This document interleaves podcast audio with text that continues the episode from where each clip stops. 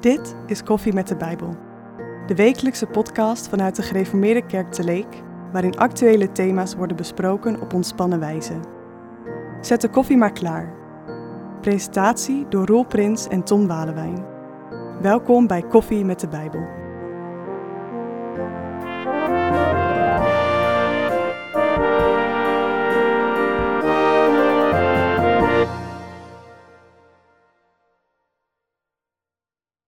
Vandaag is onze gast Wiebe Niemeyer. Wiebe is eh, 35 jaar oud en werkt als personeelsplanner in een grote zorgorganisatie. Daarnaast is hij gecertificeerd KNVB-scheidsrechter bij onder andere ons eigen VEV. En hij is ook preeklezer in eh, de gemeente en daarnaast kandidaatsraadslid voor de ChristenUnie in het Westerkwartier. Kandidaatsraadslid, dat is even de vraag, want dat weten we nu nog niet. We nemen namelijk deze opname op voordat de gemeenteraadsverkiezingen op 16 maart eh, worden gehouden. Dus het is nog even afwachten voor Wiebe en ook voor ons of hij kandidaat-raadslid blijft of dat hij ook daadwerkelijk in de raad mag plaatsnemen. In ieder geval, Wiebe, van harte welkom. Leuk dat je er bent. Dankjewel. Leuk Welkom, dat ik eh. eh, ben uitgenodigd Ja, en dat ik hier mag zijn. zeker. Ja. En misschien wel de belangrijkste vraag van, de, van, de, van deze opname is: hoe drink je de koffie? Zwart. Zwart. Gewoon simpel. Gewoon simpel. Lekker makkelijk. Ja, Ja, heb je geen eh, risico's van bedorven melk en zo. Nee, Als je ergens op bezoek komt. nee dat, eh, dat, is, dat is een voordeel ervan inderdaad. Eerst nog wel met suiker, maar daar ben ik heel snel van Oké, afgestapt. zwarte koffie. Zwarte koffie. Zegt dat dan verder ook nog iets over jou? Hè, je zegt simpel. Ja, misschien wel. Als het simpel kan, waarom het moeilijker maken? En Oké. nou ja, ik denk dat dat wel iets eh, veelzeggends is. Hoe ingewikkeld ik soms ook dingen vind, en ik het ook wel leuk vind om ingewikkelde dingen te, te doorgronden, is dan wel de uitdaging altijd, oké, maar hoe kunnen we het nu weer simpel... Ja. eh, Maar simpel betekent dus niet ehm, eenvoudig of weinig. Want ik bedoel, als we het lijstje net oplezen met wat jij allemaal wel niet doet, dat is best veel en, veel, en ook heel veelzijdig. Nee, maar goed, bijvoorbeeld ook als scheidsrechter. Ehm, nou ja, als je ooit de, sp- de spelregels hebt doorgelezen, ehm, er zitten heel veel nuances in. Maar de uitdaging is, nou ja, maak het zo simpel mogelijk. Ja. Want uiteindelijk gaat het op dat veld er alleen maar om, is het een overtreding of niet? Oké. Nou ja, en dat is uiteindelijk een hele basale vraag. Ja. Dus ik denk dat vaak de uitdaging is in hoe complex dingen ook zijn, probeer altijd weer even te kijken, hé, maar waar gaat het nu daadwerkelijk om? Ja. Wat is het doel wat we eh, aan het doen zijn? Ik zeg vaak voor de wedstrijd, jongens, we komen hier om te voetballen, laten we dat dan ook vooral doen. Oh, Ja. ja. Dus jij bent niet zo'n scheidsrechter die daar vooral is om, om te laten zien hoe goed hij kan scheidsrechteren. Maar je bent er vooral om te helpen het spel te bevorderen. Om in goede banen te leiden. Ja. En dat is ook wat je bijvoorbeeld in de politiek eh, graag wil. Ja, ik, ik denk dat je als politiek, ehm, dat er heel veel dingen in de samenleving gewoon goed geregeld zijn. Dat er heel veel dingen goed lopen. En daar hoef je je ook als, als politicus helemaal niet mee bezig te houden. Ehm, dan hoef je ook helemaal niks te regelen. Ja. En dat je er juist eh, als overheid moet zijn voor die momenten dat het misgaat. Ja, precies. Ja. En dat je daar dan eh, Ja. tot hulp kan zijn Ja. of, to- of tot correctie. Want Ja. nou ja, beide zitten er natuurlijk Ja. in. Maar dat is ook een beetje van, van laten we het in de samenleving gewoon goed met elkaar hebben. Hè? Zoals je zegt van nou, we gaan eh, fijn voetballen. Ja. Zo moet het in de samenleving ook gewoon, we moeten het goed hebben samen. We moeten voor elkaar zorgen, voor elkaar opkomen. En, en nou ja, als er dan inderdaad dingen mislopen, dan, dan moet de politiek in actie komen. Ja, precies dat. Ja. Ja, oké. Het- Het klinkt vrij veel dienend. Hè? Dat je dus inderdaad op die manier ook eh, eh, opstelt. Is dat ook iets wat gewoon heel erg bij jou past? Wat je bent?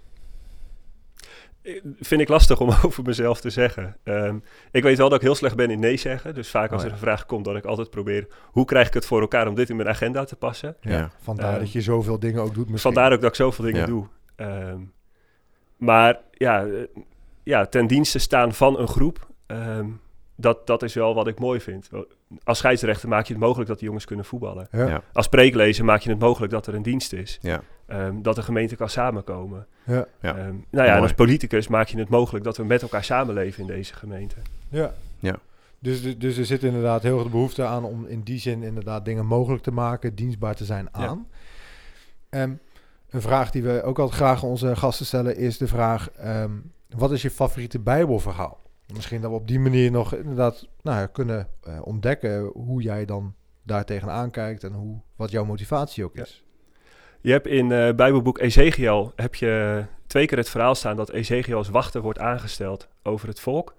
En ehm, dat hij daarin gewezen wordt. eh, hij staat op wacht op de muur. En dat op het moment dat hij het gevaar ziet aankomen, dat hij dan de burgers van de stad moet, eh, moet waarschuwen. Ja. Dat als hij dat nalaat en die burgers omkomen, Ja. dat het dan hem wordt aangerekend en de burgers niet. Ja, ja, ja. Ehm, en op dezelfde manier als hij wel waarschuwt, maar de burgers luisteren niet, dat het die burgers wordt aangerekend, maar hem niet, omdat hij wel gewaarschuwd heeft. Wat Oké. ik heel mooi vind, is niet zozeer dat waarschuwen voor gevaar. Dat zou je nu ook kunnen denken met alle spanningen die er zijn. Maar veel meer dat, ehm, die tekst gaat veel meer erover van Ezekiel, jij hebt een rol ten opzichte van die burgers, ten opzichte van de mensen met wie jij samenleeft. En ik denk dat dat wel hetgene is wat, ehm, nou, wat, wat voor mij ook wel juist dat dienstbare, zeg maar, heel goed laat zien. Ik vind dat ik een rol heb ten opzichte van, van anderen. Ja. En dat als ik anderen kan helpen ehm, met kwaliteiten en talenten die ik heb, Ja. dat ik dat ook moet doen. Ja. Dat is mooi. Dat is, eh, Ja. eh, als je op die manier de politiek eh, ingaat, er echt willen zijn voor de ander, dan gaat het dus niet zozeer om, om jezelf. Natuurlijk gaat het om wie je bent en om wat je kwaliteiten zijn, maar je bent dan vooral dus op een ander gericht. Dat, dat is je motivatie. eh, Ja, maar goed, dat, is dus, dat, is, dat geldt dus voor de politiek. Ja. eh, maar dat geldt dus voor meer aspecten. ja, dat snap ik. Want Ja. uiteindelijk, ehm, ook in mijn werk zeg ik altijd van... joh, het, eh, het draait niet om dat, dat ik het dan zo fantastisch heb gedaan. Nee. Het draait erom dat jullie met elkaar het werk gedaan krijgen. Ja. En ehm, die insteek, ehm, dat geeft ook een stuk ontspanning. En dat maar geeft is dat niet iets wat, wat, wat, je, wat politici altijd zeggen? Van ik, ik ben er niet voor mezelf, maar ehm, ik, ik ben er voor, nou ja, voor mijn achterban of voor voor, het volk. Ja, ik denk dat politici dat altijd zeggen. Ik denk wel ehm, dat, eh, dat er maar een beperkt aantal partijen is die dat ook uitdraagt dat dat je mensvisie is. Mm, Ja. Ehm, wat je heel vaak ziet is dat partijen zeggen van... ehm, we zijn... eh, zolang, zolang, je, zolang je zelf maar goed je best doet, dan kom je er wel. Dan red je het wel. Ehm, of dat mensen zeggen van... ja, maar de politiek moet zorgen dat, eh, dat iedereen het haalt. Terwijl Daar zit een mensvisie achter. daar zit een mensvisie achter uitdragen. vanuit het individu. ja. Ja. Ehm, terwijl ik juist zeg, nee, maar je mensvisie zou veel meer op die gemeenschap gericht moeten zijn. Want om echt samen te leven, moet je dat niet alleen doen. Ja. Dus op het moment dat ik denk om jou en jij denkt om een ander, dan is er op een gegeven moment ook wel weer iemand die denkt om mij. Dan Ja, hoef ik dat niet zelf te doen. Ja. Dus heel veel politici roepen, ik zit hier niet voor mezelf. Dat zal in heel veel gevallen ook echt zo zijn. Ehm, maar ja, de, de diepere mensvisie achter van, ja, maar hoe vind je dat je moet samenleven? Ja. Ehm, daarin denk ik dat wel echt een verschil zit. Oké.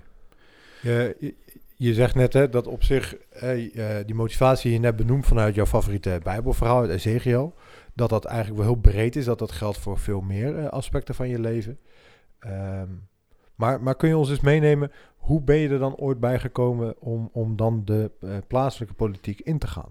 Is dat, is dat hier in Leek begonnen of, of ben je al veel langer politiek actief? Nee, dat is eigenlijk begonnen tijdens mijn studententijd in Leiden. Ehm, ik merkte sowieso op een studentenvereniging dat ik het, eh, nou ja, het debatteren en het eh, discussiëren wel heel, heel interessant vond. Oh ja. Ehm, en dat, dat als het gedetailleerd werd, dat vond ik ook prima. Ehm, dus dan merk je dat je daar, dat je daar een soort van, eh, van voorliefde voor hebt. Ja, en ehm, dat vind ik wel het mooie van studentenverenigingen, dat er zoveel contacten over en weer zijn. Dat er op een gegeven moment ook iemand was die zei van, joh, maar zou perspectief niet iets voor je zijn?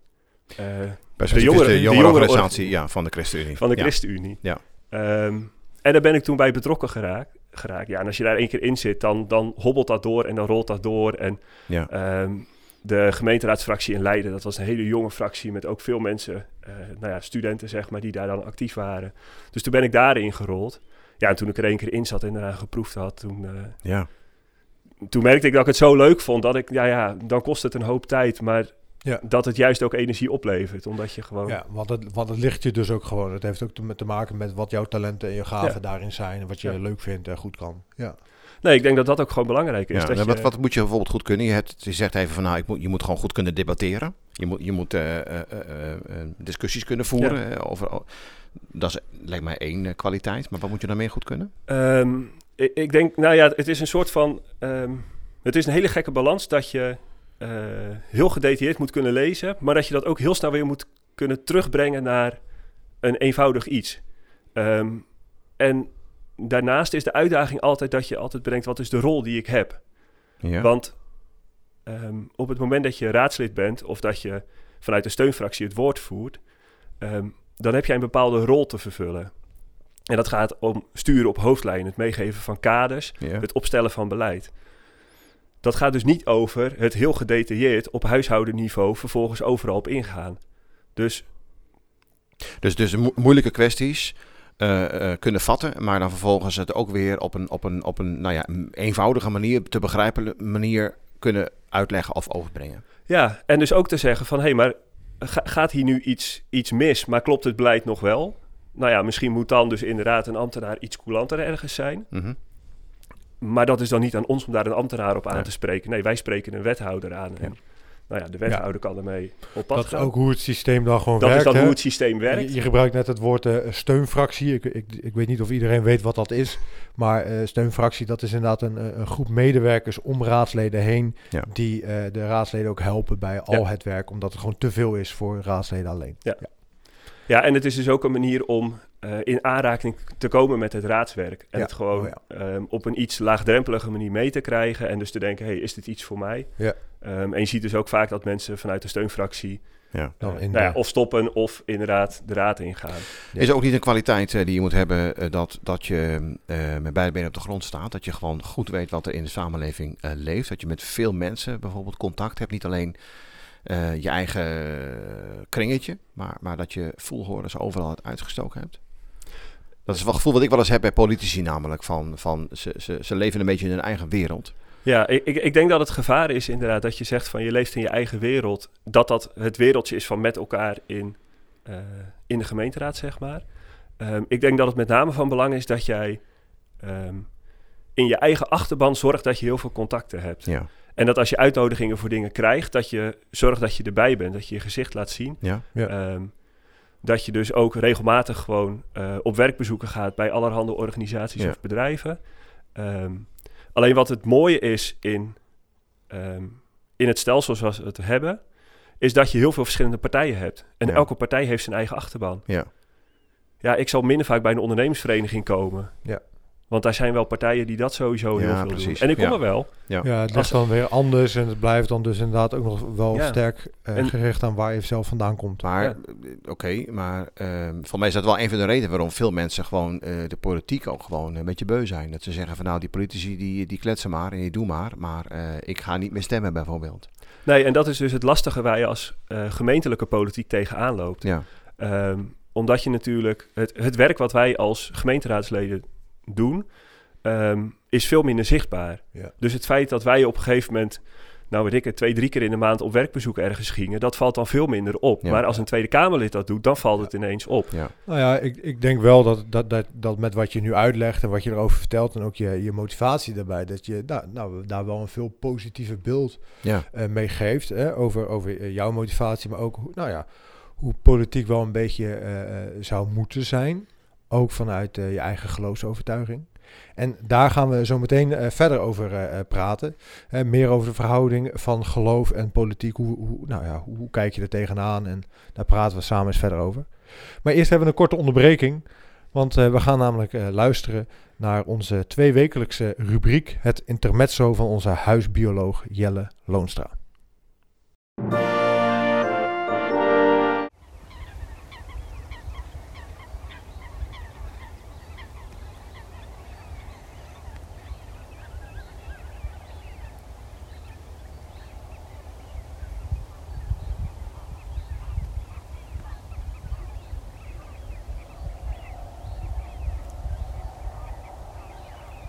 De geluiden die jullie net hoorden, heb ik opgenomen op hetzelfde plekje als waar ik de vorige keer ook stond. Naar een polder de Bakkerom.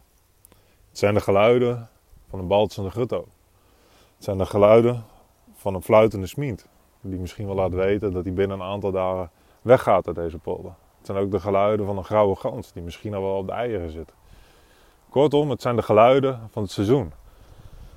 Of van eigenlijk een nieuw seizoen. Want de vorige keer toen ik hier stond, er zwommen hier nog wilde zwanen. Wilde zwanen die nu weg zijn. Maar waarvan de plaats nu ingenomen is de gutto's die hier binnenkort of in een polder nabij gelegen gaan broeden. vaak naar dezelfde plek toe gaan, levert je elke keer weer een unieke waarneming op. En die unieke waarneming die staat eigenlijk voor de verandering en het seizoen. De grote hand van God die het seizoen laat veranderen. Die vogels de weg heeft doen laten vinden om vanuit Afrika naar Boerakke toe te vliegen. Knap hoe ze dat elke keer doen. En fantastisch om dat water te kunnen nemen in het veld. Daarom vaak naar eenzelfde plek toe gaan klinkt misschien saai, maar wel een unieke mogelijkheid om op die manier het seizoen te zien veranderen. En ik zou iedereen daarom ook nog één keer van harte aan willen raden om hier in Bakkerom op een rustige avond te gaan staan. Gewoon eens even stil te zijn. Een minuutje, twee minuutjes, tien minuutjes, een half uurtje. En te luisteren naar allemaal, alles wat je hoort. Misschien zijn dat nu gutto's. Misschien zijn dat over een week de camphanen. Misschien zijn dat zometeen, over een maandje, de eerste koekoeken wel die je hoort. Sta er maar eens bij stil wat die, hoe het seizoen dan weer veranderd is. En als je hier vaker heen gaat, kun je dat pas echt goed waarnemen. En zie je op die manier de verandering van het seizoen. We zijn weer terug. Ons gesprek samen met Wiebe Niemeyer. Uh, Wiebe is uh, zeer actief in de politiek. En uh, daarom hebben we je ook uitgenodigd omdat we graag met je door willen praten over politiek en geloof. Wat heeft dat nou met elkaar te maken? Of hoe werkt dat dan precies? Wat zijn de verhoudingen? Die zijn ook wel eens veranderd, denk ik, in de laatste jaren. Um, kun je eens iets vertellen? Hoe ga je nou als christen die politiek in? Of hoe merk je dat je juist als christen anders de politiek tegemoet gaat? Ja, voor de pauze raakten we er natuurlijk ook heel even aan. Um, toen het ook ging over uh, nou ja, de rol die je hebt als individu ten opzichte van een gemeenschap en hoe je met elkaar samenleeft. En ik denk dat dat wel iets is waarin uh, nou, je als christen echt iets anders meebrengt de politiek in. Um, dat je daarin echt zegt van, hoor eens, je, je hebt met elkaar te zorgen voor de zwakken en de kwetsbaren. Uh, nou ja, in de Bijbel gaat het natuurlijk altijd over wees, weduwe en vreemdeling, waar je voor te zorgen hebt en waar ja. je naar om te zien hebt. Um, en ik denk dat je dat dus als, uh, als christen in de politiek ook heel erg meeneemt. Juist die houding van, um, hou als overheid je afstand als dat kan. Geef vooral uh, verschillende groepen in de samenleving gewoon de ruimte om te doen wat ze, wat ze willen doen. Maar wezen juist op de momenten dat, dat dus um, nou ja, iemand uh, door het net dreigt te vallen. Ja. Of juist in de gevallen, want dat is natuurlijk ook een rol van de overheid, dat je ingrijpt op het moment dat iemand zich niet aan regels houdt. Ja, handhaving. Gewoon handhaving. Ja. Maar goed, je noemt, je noemt groepen. En ik bedoel, iets wat we de laatste tijd best wel veel zien, is dat juist de verschillende groepen in de samenleving in botsing met elkaar komen. Ja, maar ik denk dat dat dus ook komt vanuit een uh, vanuit een grondhouding dat alles draait om jezelf. Oh ja. En dat jezelf, dat kan zijn ik als individu, ja. maar het kan ook zijn ik als groep. Of wij oh ja. als groep. Ja. En alles moet op de manier zoals het voor mij het meest prettig is. Dus allemaal best wel egocentrisch in Egocentrisch gericht. Ja. En ik denk juist wat je als christen daar heel erg in mee kan brengen, is dat je zegt, hoor eens, maar het draait niet om jezelf. Het draait in, in, in dit land, in dit dorp, in deze gemeente, draait het niet om Wiebe, draait het ook niet om ons als vrijgemaakte kerk, maar het gaat erom hoe leven wij samen. Ja. Mm -hmm. Nou ja, en dat, dat zet zeg maar je blik naar buiten, dat zet je blik naar de ander in plaats van naar jezelf. Oké, okay, um, maar dat vertaalt zich dan dus ook in een andere manier van um, uh, kijken naar dingen, uh, dingen oplossen, uh, andersoortig beleid. Ja, maar dat vertaalt zich ook bijvoorbeeld, bijvoorbeeld juist nadat je zegt van... Um, um, je geeft niet iedereen zomaar uh, nou ja, gratis geld voor iedereen, zeg maar. Een basisinkomen, daar, daar, zullen, daar zullen we iets minder snel voor zijn. Alleen, het draagt er ook toe bij dat je zegt... oké, okay, maar als je dan één keer uh, steun nodig hebt... dan moet die ook ruimhartig zijn. Ja. Um, en ik vond het wel heel mooi een tijdje terug hoorde ik dat, dat bij de invoering van de bijstand, en dat was een PvdA-minister, en die zei de bijstand moet op zo'n niveau zijn dat je ook een bloemetje op tafel kan zetten. Oh ja. Oh ja. En dat, ik, ja, ik vond er wel iets heel moois uitspreken. Ja. Van hoor Ja. eens, als je zorgt voor, die, Ja. eh, voor de mensen die het minder hebben, wees daarin ook gewoon eh, riant. Wees daarin. Ja. En Ja. vertrouw ook een beetje dan op de mens. Ga dus niet. ehm, Ah, het is allemaal eh, heel mooi. En het klinkt allemaal heel ruimhartig en heel erg tolerant en dergelijke. Maar zo, zo staan christenpolitici toch niet altijd bekend. Hè? Staan we juist niet ook als christenen er wel onbekend dat we soms wel heel erg zeggen: nee hoor, eh, het, moet zoals het was. En eh, terug naar vroeger, toen we allemaal nog christelijk waren. En vooral met de politiek moeten we daar een beetje voor vechten. Ja, ik denk ook wel dat we in het verleden daar echt eh, ook wel echt verkeerde keuzes in Ja, ik, hebben ik, gemaakt. ik, ik, ik denk dat dat vooral iets is van het verleden. Als ik dat, eh, dat volgens mij is dat, is dat de laatste zoveel jaar is dat al wel een stuk anders geworden. en Mede denk ik Maar er ook zijn dat nog steeds mensen- ook in de regering is eh, terechtgekomen. Ja, dan kun je natuurlijk niet alleen maar meer voor je eigen, voor je eigen clubje eh, gaan, gaan zorgen. Nee. Nou, en misschien heeft het er ook mee te maken dat we die meerderheid niet meer hebben. Ehm, je ziet Ja. nu toch soms ehm, eh, dat er bij, bij andere kwesties juist wordt gezegd: ja, we hebben een meerderheid, dus we kunnen dit gewoon doorvoeren. En denk ik, wat ik juist belangrijk vind. ehm, Nee, want la- la- la- ik, ik zou het wat concreter willen. Stel dat, dat ik, hè, we hebben de verkiezingen inmiddels achter de rug, eh, nu. Hè. Eh, eh, stel de ChristenUnie heeft ontzettend goed gedaan en, eh, en, en ze mag een voortrekkersrol nemen als het gaat om de, om de, hè, de nieuwe gemeenteraad. Ja. Je zou als ChristenUnie gewoon echt nu zeg maar dingen kunnen regelen. En de absolute meerderheid, zeg maar. Ja, zo, oh, nou Ja. dat zou helemaal mooi zijn. Ja, nou dan. Eh, Wat, wat ga je dan bijvoorbeeld... eh, eh, nou zou je dus kunnen zeggen... Nou, we hebben wel zo onze dingen die we nu eindelijk kunnen regelen. Ga je dat dan doen? Eh, Nee. dan- nee. Niet. nee, dan want, kijk je nou, op- maar je, zou, je zou dus kunnen zeggen van, eh, wij beschrijven in het, in het verkiezingsprogramma als ChristenUnie, zeggen wij Ja. van, ehm, wat ons betreft zouden winkels op zondag dicht moeten zijn en daar hebben wij zo onze, onze redenen voor om te vinden dat dat goed is.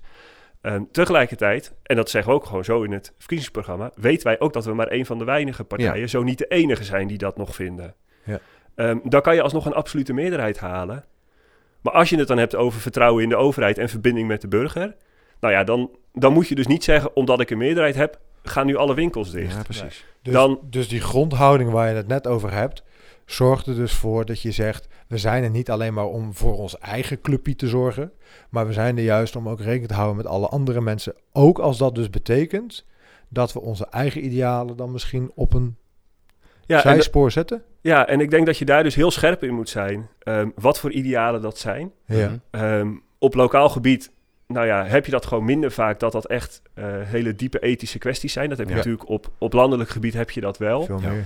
Ehm, dus dus dat, dat is altijd de zoektocht die je hebt, zeg Ja, maar. ja. Maar ik denk wel dat, dat inderdaad de grondhouding van... het draait niet alleen maar om ons, ehm, om, om mij en mijn groep. Ja. ja dat, En dat, dat, dat zou dan zeg maar eh, eh, eh, kenmerkend zijn, moeten zijn misschien wel voor christenpolitici, dat ze oog hebben voor zeg maar de groep. En dan niet alleen voor je eigen groep, maar voor alle groepen in de samenleving. Zeker voor die groepen die, nou, die tot een bepaalde minderheid behoren, die hulp nodig hebben, die, die, die gesteund moeten worden. Ja, en die dus aan de ene kant... ehm, aan de ene kant moet je dus heel duidelijk weten van waar sta je zelf voor. Dat moet je ook niet bang zijn om dat te benoemen. Mhm. Ehm, want ik denk dat dat ook nog wel eens tegenwoordig gebeurt. Dat je juist bang bent om te benoemen wat je zelf vindt. Ja, Omdat je bang bent dat je gewoon nou ja, bij de enkels wordt afgezaagd, zeg maar. Ehm, maar dat je ook daarin dus altijd laat zien dat je oog hebt dat de samenleving breder is dan Ja. ehm, alleen wij als christenpolitici. ja. Hey, ehm, concreet, oh ja, om het risico eh, te ontlopen dat, dat, dat we gewoon eh, een beetje mooi vaag en een beetje hoog blijven praten over grondhoudingen en dergelijke. Ehm, wat betekent het hè, als we het nou hebben over het Westerkwartier? eh, eh, wat voor onderwerpen eh, eh, eh, behandel je nou als christen toch vanuit een bepaalde insteek? En wat voor onderwerpen hebben we het dan over? Nou, dan heb je bijvoorbeeld onderwerpen als infrastructuur. Ehm, Infrastructuur. infrastructuur. Gewoon wegen, fietspaden, stoepen. Ehm, daar daar kan, je, kan je hele leuke verhalen met politici over voeren. Maar uiteindelijk de grondhouding die je als christen hebt... is dat je goed wilt zorgen voor, eh, voor je omgeving. Ja. Dat je dus op zo'n zo duurzame mogelijk manier wilt vervoeren. Ehm, en dat dat dus betekent dat je zegt... oké, maar dan heb je dus meer aandacht voor voetgangers, voor fietsers... voor openbaar vervoer Mhm. ja. als duurzame middelen van vervoer. En dan daarna de auto. Oh ja. Maar als je dan gaat kijken hoe je infrastructuur vormgeeft, zou dat dus bepaalde gevolgen kunnen hebben. Ja. Ja. Dat je zegt, oké, maar misschien vinden wij dat, ehm, nou ik noem maar iets, het staat niet in het verkiezingsprogramma trouwens, dus op persoonlijke titel, ehm, dat eh, straten voor scholen eh, geen, geen doorgaande wegen zijn, dat het doodlopende straten zijn. Oh ja. Ja. Zodat je Ja. minder verkeer hebt, zodat je stimuleert dat eh, Ja. kinderen met de fiets of lopend naar school kunnen gaan. Ja. Ja. Dat het Ehm, veiliger wordt. dat het veiliger wordt. Ja. Ja. Ehm, maar dat je bijvoorbeeld ook kijkt naar voorrangsregels binnen een bebouwde kom. Of Ja. je kan zorgen dat fietsers, voetgangers veel meer voorrang hebben, Ja. zodat je stimuleert dat die... Maar ik, ik vind dit wel mooi, want ik bedoel, hè, bij geloof denken heel veel mensen aan, ja, dat, hè, dat, dat is een persoonlijke spiritualiteit die je hebt en dat hou je maar een beetje achter de voordeur. Maar jij zegt nu eigenlijk, nee, mijn, mijn, mijn geloof en, en, en het lezen uit de Bijbel beïnvloedt mij ook als het gewoon gaat over hoe richten we de stoepen in. Heb je nog zo'n voorbeeld? Ehm, ja, als je het hebt over woningbouw. Mhm. Ehm, je, je kan zeggen van, ehm, er is een gigantisch woningtekort in Nederland. Dus we bouwen vooral heel veel woningen bij. Ja, en het is belangrijk dat die woningen er komen. Of je zegt, nee, maar de woningen moeten er komen. Maar hoe doen we dat op een manier die zo min mogelijk inbreuk heeft op het land waarin we leven? Ja. En dan ga je dus kijken, juist binnen de bebouwde kom, of je daar misschien kan gaan bouwen. Dat is vaak een duurdere oplossing. Omdat je vaak al zit nou, met bestaande inrichtingen. Het is, eh, je moet echt een plan maken wat past op die ene plek. Eh, soms moet je oude dingen die er zijn eerst weghalen voordat je iets anders neer kan zetten. Het is veel makkelijker om gewoon een weiland op te kopen en daar Ja. een wijk Maar te is, dat dan, is dat dan iets wat je alleen christelijke partijen hoort zeggen? Zoiets? Dat, nee, maar dat, is dus, het- dat is dus het leuke. Dat je ehm, uiteindelijk ziet dat heel veel partijen dan een standpunt delen. Alleen Mhm. dat de reden dat ze daar komen ehm, heel anders is. En Ja. Nou ja, ik, ik denk wel dat we soms als eh, christelijke politiek iets te weinig durven te laten zien van Ja. eh, waarom vinden we dit? Hoe komen we hier? Ja. Hey, en eh, nu je het er zo over hebt, wat kunnen kerken zeg maar betekenen in, in, in het hele politieke gebeuren? I- i- hoeveel hoeveel connectie is er tussen, tussen de politiek en de kerk? Ehm, ja, connectie tussen kerk en, kerk en politiek is natuurlijk dat is altijd een leuke. Ja, spannend ook wel. Ja, want Je, je zit natuurlijk je zit in een scheiding van kerk en staat. ehm, Ja. Die juist geïnitieerd is, of die juist tot stand is gekomen. ehm, omdat de staat te veel invloed had Ja. in de kerk. Ja. En dus vond wat in de kerk moest gebeuren. En nu zie je dat het een soort van. eh, nou ja, de angst is dat het andersom zou gebeuren. Ja.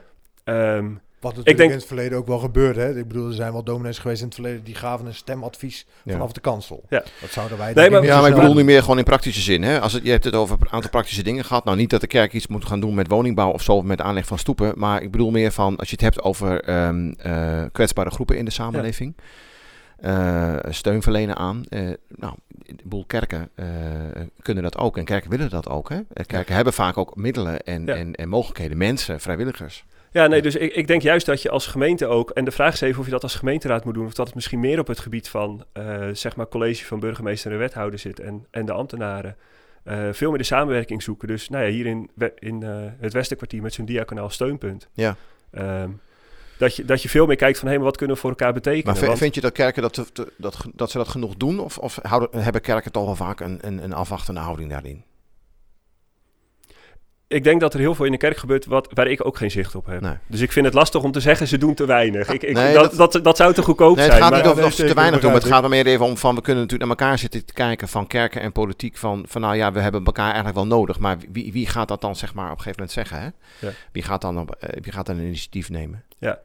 Nou ja, ik denk dat je dat van beide kanten moet doen. Dat als je als kerk denkt van... hé, maar hier, kunnen wij, hier zien wij een gat en hier kunnen we inspringen... dat je Ja. dan even Ja. probeert of je een lijntje kan leggen met, Ja. Met, een, over, met een gemeentelijke overheid. Zo van, hé, Ja. we zien dit gebeuren en... ehm, ja, gaan we niet iemand anders in de wielen rijden, zeg maar, als Ja. we dat doen. Ja. Ja. Ehm, Ik vind het wel heel mooi. Je, praat in die zin ook echt als een politicus, echt met twee woorden, echt beide kanten heel, heel duidelijk laten zien en zo. Dat is heel mooi.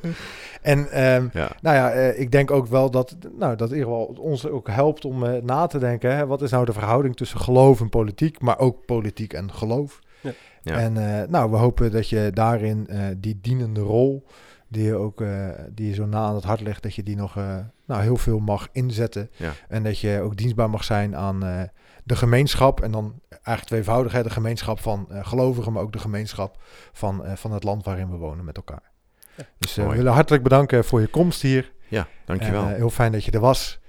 En daarmee zijn we dan ook aan het einde gekomen van eh, deze aflevering, deze podcast voor deze week. We hopen dat jullie van genoten hebben en we horen jullie graag allemaal eh, volgende week weer terug. Tot volgende week. Tot volgende week.